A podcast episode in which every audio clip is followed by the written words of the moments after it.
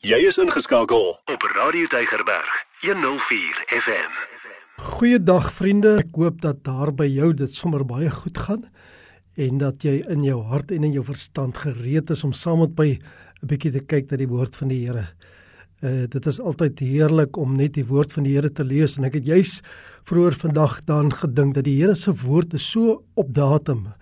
Daar's niemand wat vandag die Bybel eintlik kan vat en dink hulle kan dit opdateer nie. Die Bybel is op datum gister, vandag en dit sal so wees tot in ewigheid toe. Kom ons bid saam asseblief. Hemelse Vader, vandag as ons hierdie woord van U oopmaak, wil ons graag U stem hoor. Dankie dat U woord ook nou met ons praat. Ons bid dit in Jesus wonderlike naam. Hy wie ook die lewende woord is. Amen. As jy jou Bybel byderhand het, wil ek graag hê dat jy oopmaak by die boek Handelinge en ons gaan daar lees in hoofstuk 17. En ons gaan eers begin net daar by vers 16. Handelinge hoofstuk 17 van vers 16 af.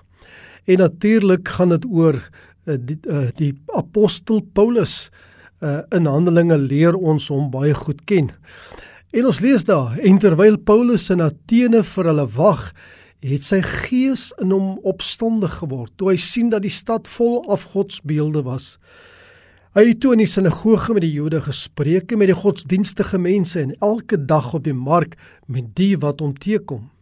En sommige van die epikureëse en die stoïsynse wysgeere het met hom gestry en sommige het gesê wat sou hierdie praatjiesmakers tog wil sê Aan ander weer, dit lyk of hy 'n verkondiger is van vreemde gode omdat hy aan hulle die evangelie van Jesus en die opstanding verkondig het. En hulle het hom geneem en op die Areopagus gebring en gesê: "Kom ons verneem wat hierdie nuwe leer is wat deur u verkondig word, want u bring sekere vreemde dinge in ons ore. Ons wil dan weet wat dit tog kan wees." Nou het al die Atheners en die uitlanders wat by hulle gewoon het vir niks anders tyd gehad as om iets nuuts te sê en te hoor nie. Nou vriende, toe ek die afgelope paar dae hierdie skrif en eintlik wil ek amper sê die hele boek Handelinge net weer 'n slag lees van vooraf, het hierdie spesifieke gedeelte my in my gedagtes die situasie waarin Paulus was sommer laat verplaas tot hier by ons in Kaapstad tot hier waar ons bly. En ek het gewonder wat sou Paulus sê as hy sou sien hoe dit lyk waar ons bly. En as hy vinnig op datum sou gebring kon word met al die nuus in die wêreld en met die lewenstyl dan wonder 'n mens wat sou Paulus se gedagtes dan wees? Wat sou dan in sy gees gebeur het? Sou hy dalk dieselfde ontsteltenis en opstandigheid gehad het? Maar toe tref dit my dat Paulus nie eintlik hier kan wees nie. Maar ek en jy, ons is hier. Ons is eintlik soos Paulus God se verteenwoordigers nou hier waar ons bly. Nou na die vraag oor Paulus kom die volgende vraag na my toe en dit is Is daar hier oral om my en jou ook afgode soos wat daar in Athene was? En die antwoord wat ek gekry het is eintlik ja. Ons het nou weliswaar nie beelde wat opgerig is met afgode se name daarop nie, maar ons lewens in hierdie moderne tyd is deurspek met dinge en aktiwiteite wat baie goed daarin slaag om die mens vir my en vir jou weg te rokkel van ons Skepper en ons Verlosser af. Die mens vereer as dit ware baie dinge en aktiwiteite en sake met sy tyd, met geld, met talente. En die belangrikste een wat geëer word is eintlik die mens self. Dit gaan so baie oor selfontwikkeling en hoe jy oor jouself voel en dat jy positief moet lewe en dat dit met jou goed gaan en dat jy suksesvol sal wees.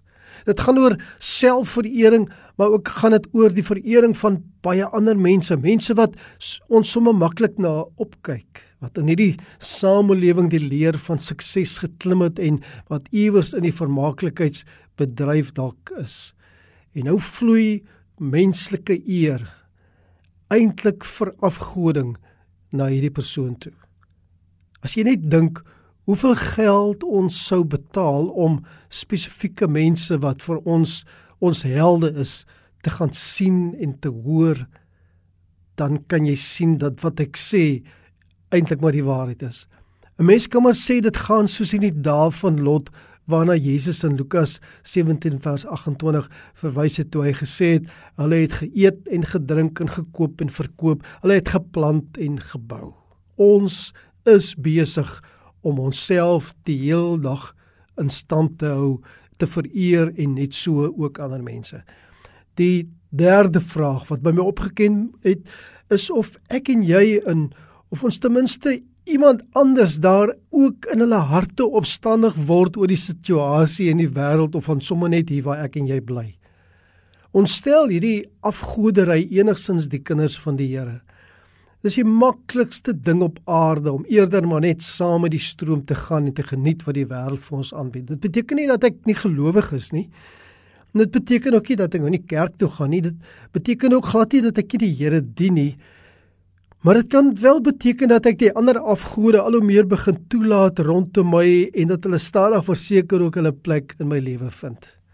Die afgode van ons tyd is eintlik so subtiel dat dit eintlik vir ons glad nie meer onaanvaarbaar is nie. Inteendeel ons raak eintlik so afhanklik daarvan dat dit moeilik is om nie 'n deelnemer te word nie.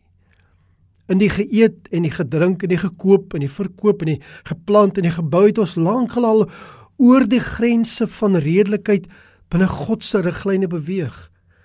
As as ons nou die besluit moet neem om terug te keer na 'n plek toe waar die Here binne al hierdie aktiwiteite primêr vereer word meer as enige iets of iemand anders, dan sal ons voor ernstige keuses te staan kom om ons hele lewensroetine te verander om wat ons doen, hoe ons dit doen, wanneer ons werk en koop te verander. Om waarin wat ons koop te verander.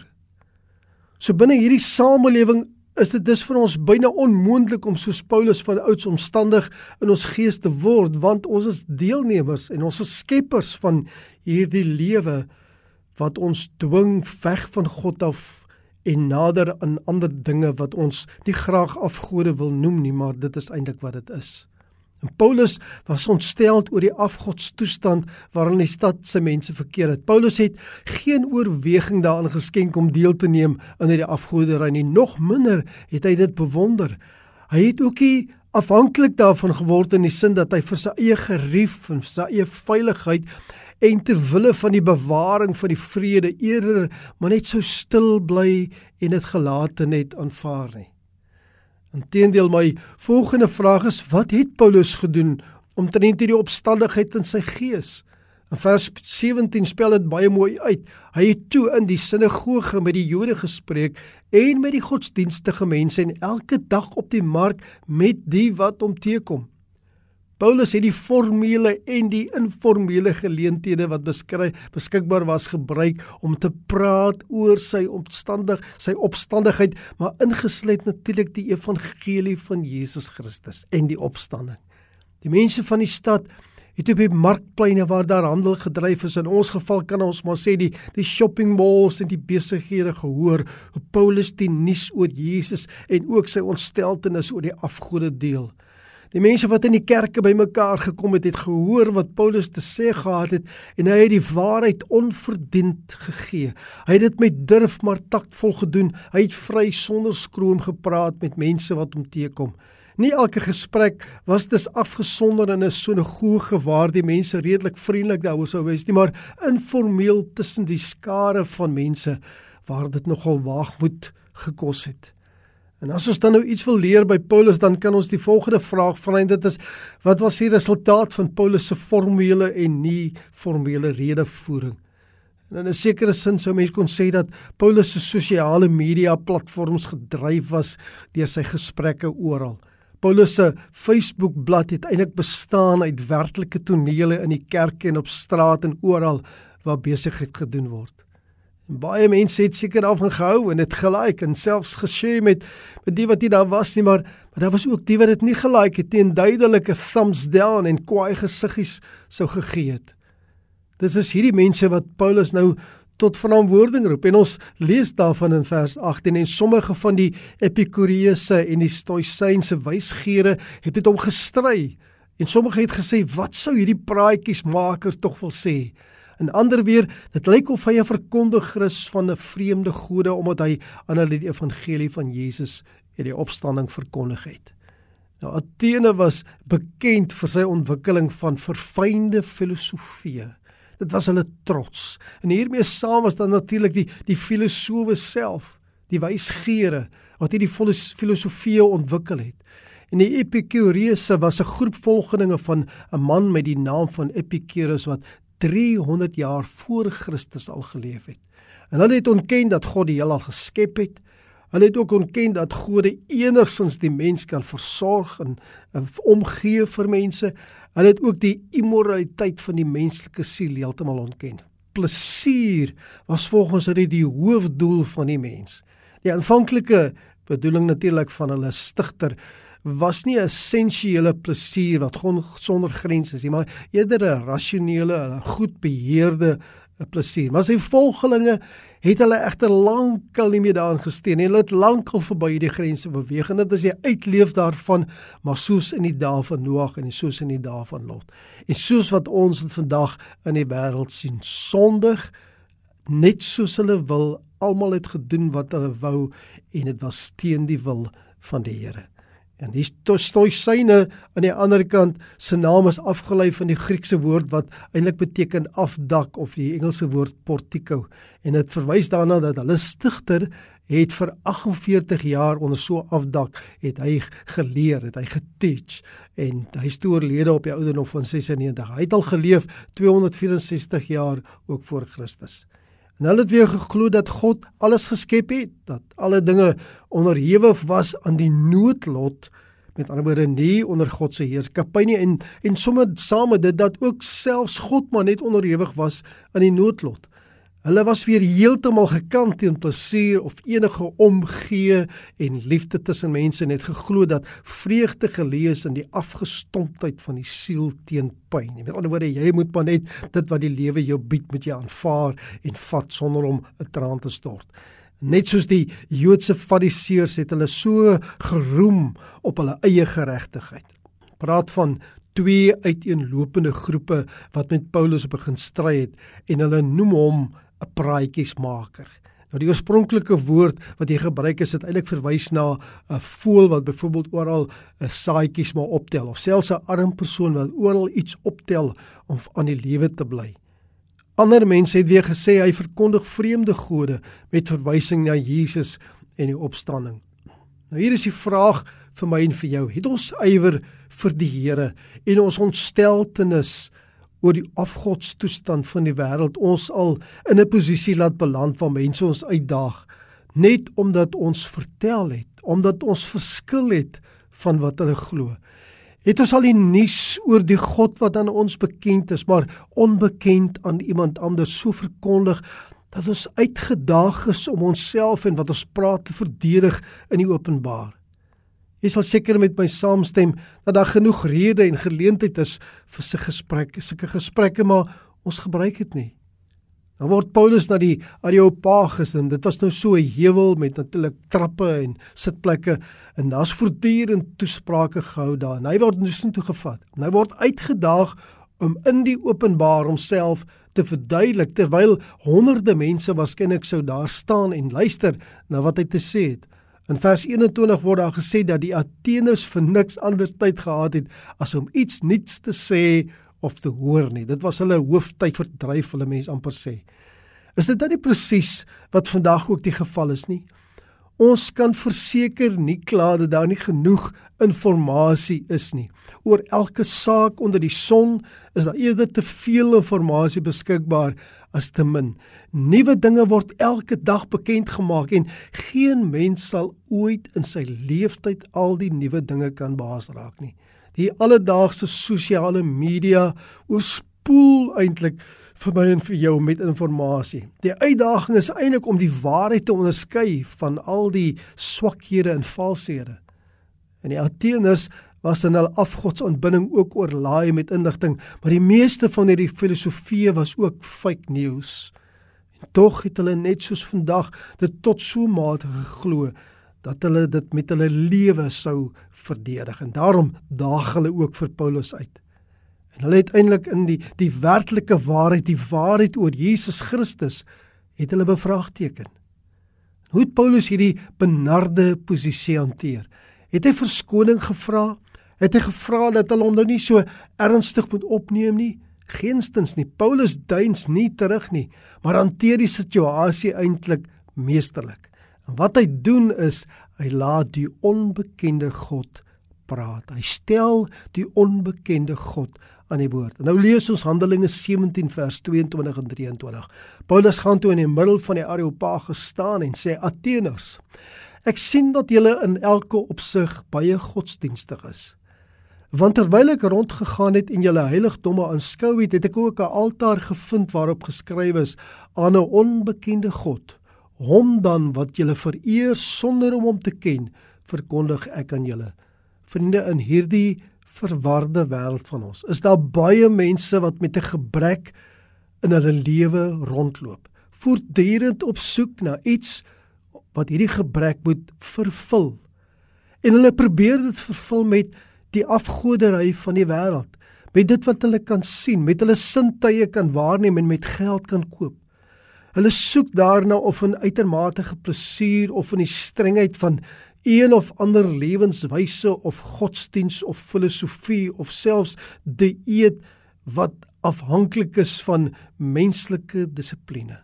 En helaas vind hulle nie in enige van hierdie afgode die voedsel wat die honger stil nie, ook nie die water wat die dors les nie, nog minder die verlossing wat die siel ewige vrede en geluk kan gee. Inherent weet hulle dat vir hulle net soos vir die Ateners daar 'n onbekende God is wat eintlik hierdie honger sal stil, maar die misleiding van die bose en sy wêreldsmagte maak hulle afgestomp vir die liefdevolle verlossingswerk van Jesus Christus. Ek verwys na hulle maar ongelukkig is ons so deel van hierdie stelsel dat dit waarskynlik die hoofrede is hoekom ons nie in ons gees opstandig word nie. Paulus gaan dus direk na die persoon gespel met 'n hoofletter wat hy weet hulle eintlik al lankal hunker om te leer ken. Vir hulle die onbekende God, vir Paulus en vir jou en vir my is hy nie onbekend nie, maar hy's dalk weggesteek omdat ons nie oor hom praat nie en hom ook nie toelaat om self te praat nie, ten minste nie daar waar die nood is nie. Ons laat die oorbekende God praat in oorbekende kerkgeboue en ander byeenkomste, maar ons mylband hom in die shopping malls. Maar Paulus gee vir ons die voorbeeld. Paulus antwoord al ons vrae. Paulus laat die onbekende God praat en hy's bereid dat die onbekende God sy stembande gebruik. En lees asseblief saam met my wat Paulus daardie dag vir hulle gesê het. Handelinge 17 van vers 24 af. Die God wat die wêreld gemaak het en alles wat daarin is, hy wat die Here van hemel en aarde is, woon nie in tempels met hande gemaak nie Ook word hy nie deur mense hande gedien asof hy aan iets behoefte het nie, omdat hy self van almal lewe en asem en alles gegee het. En hy het uit een bloed al die nasies van die mensdom gemaak en hoe die hele aarde te woon, terwyl hulle vooraf bepaalde tye en die grense van hulle woonplek vasgestel het, sodat hulle die Here kon soek of hulle hom miskien kon aanraak en vind alles hy nie ver van elkeen van ons nie want in hom lewe ons, beweeg ons en is ons so sommige van julle digters ook gesê het, want ons is ook sy geslag. As ons dan die geslag van God is, moet ons nie dink dat die godheid aan goud of silwer of steen die beeldwerk van menslike kuns en onvinding gelyk is nie. God het dan die tye van onkunde oorgesien en verkondig nou aan al die mense oral dat hulle hulle moet bekeer omdat hy 'n dag bepaal het waarop hy die wêreld in geregtigheid sal oordeel deur 'n man wat hy aangestel het en hy het hiervan aan almal sekerheid gegee deur hom uit die dode op te wek. Paulus praat oor die Skepper God. Hy maak dit duidelik dat hierdie God anders is as die mensgemaakte gode waarna hulle gewoond is. Hy beeld God uit as 'n God van nabyheid. Hy praat oor bekering as 'n weg terug na die Here en hy vertel van die verlossingswerk en 'n verlosser wat lewe. Vriende, Paulus kom daag vir jou en vir my uit om met die Athene van ons dag die onbekende God te laat praat, om in die Areopagus van ons dag om bekend te maak wat onbekend is, om aan die woord te stel. Om in die verstand en harte van mense in te spreek die weg, die waarheid en lewe wat net in Jesus Christus gevind kan word om op die plekke waar vals gode daagliks vereer word, hulle te neutraliseer deurdat ons ook opstandig word in ons gees, nie net oor afgode nie, maar omdat die ware God onbekend is. Maar dalk is die beginpunt dat ons eers onsself ondersoek om te bepaal tot, tot watter mate is ek en jy deel van subtiele afgodery dat ons nie eens meer agterkom nie. Miskien moet ons eers in ons gees opstandig word weer oor onsself, oor ons eie sondigheid en dan die God van die waarheid, die lewende God, die God wat so onbekend is vir almal, weer aan die woord stel en bereid te wees dat hy net soos in Paulus se geval ons stembande kan gebruik. Hemelse Vader, ons bid dat U ons sal vergewe as ons deel geword het van afgode diens in hierdie wêreld. Here as ons wat deur U uitverkies is, wat bekering gesmaak het, wat wedergeboorte ontvang het, as ons teruggeval het en doodstil bly op die plekke waar U onbekend is en so graag praat net op die plekke waar U reeds bekend is. Ek bid vandag Vader, maak dit opstandig in ons gees sodat ons sal praat en U aan die woord sal stel op die plekke waar ons kan sien mense het Jesus so nodig. Dankie Here dat U ons daarmee vertrou. Rus ons toe Here, help ons om onverskrokke soos Paulus op te staan en te praat met almal wat ons teekom. Ons bid dit in Jesus wonderlike naam alleen. Amen. Elke dag jou nommer 1 keuse. Radio Deugerberg 104 FM.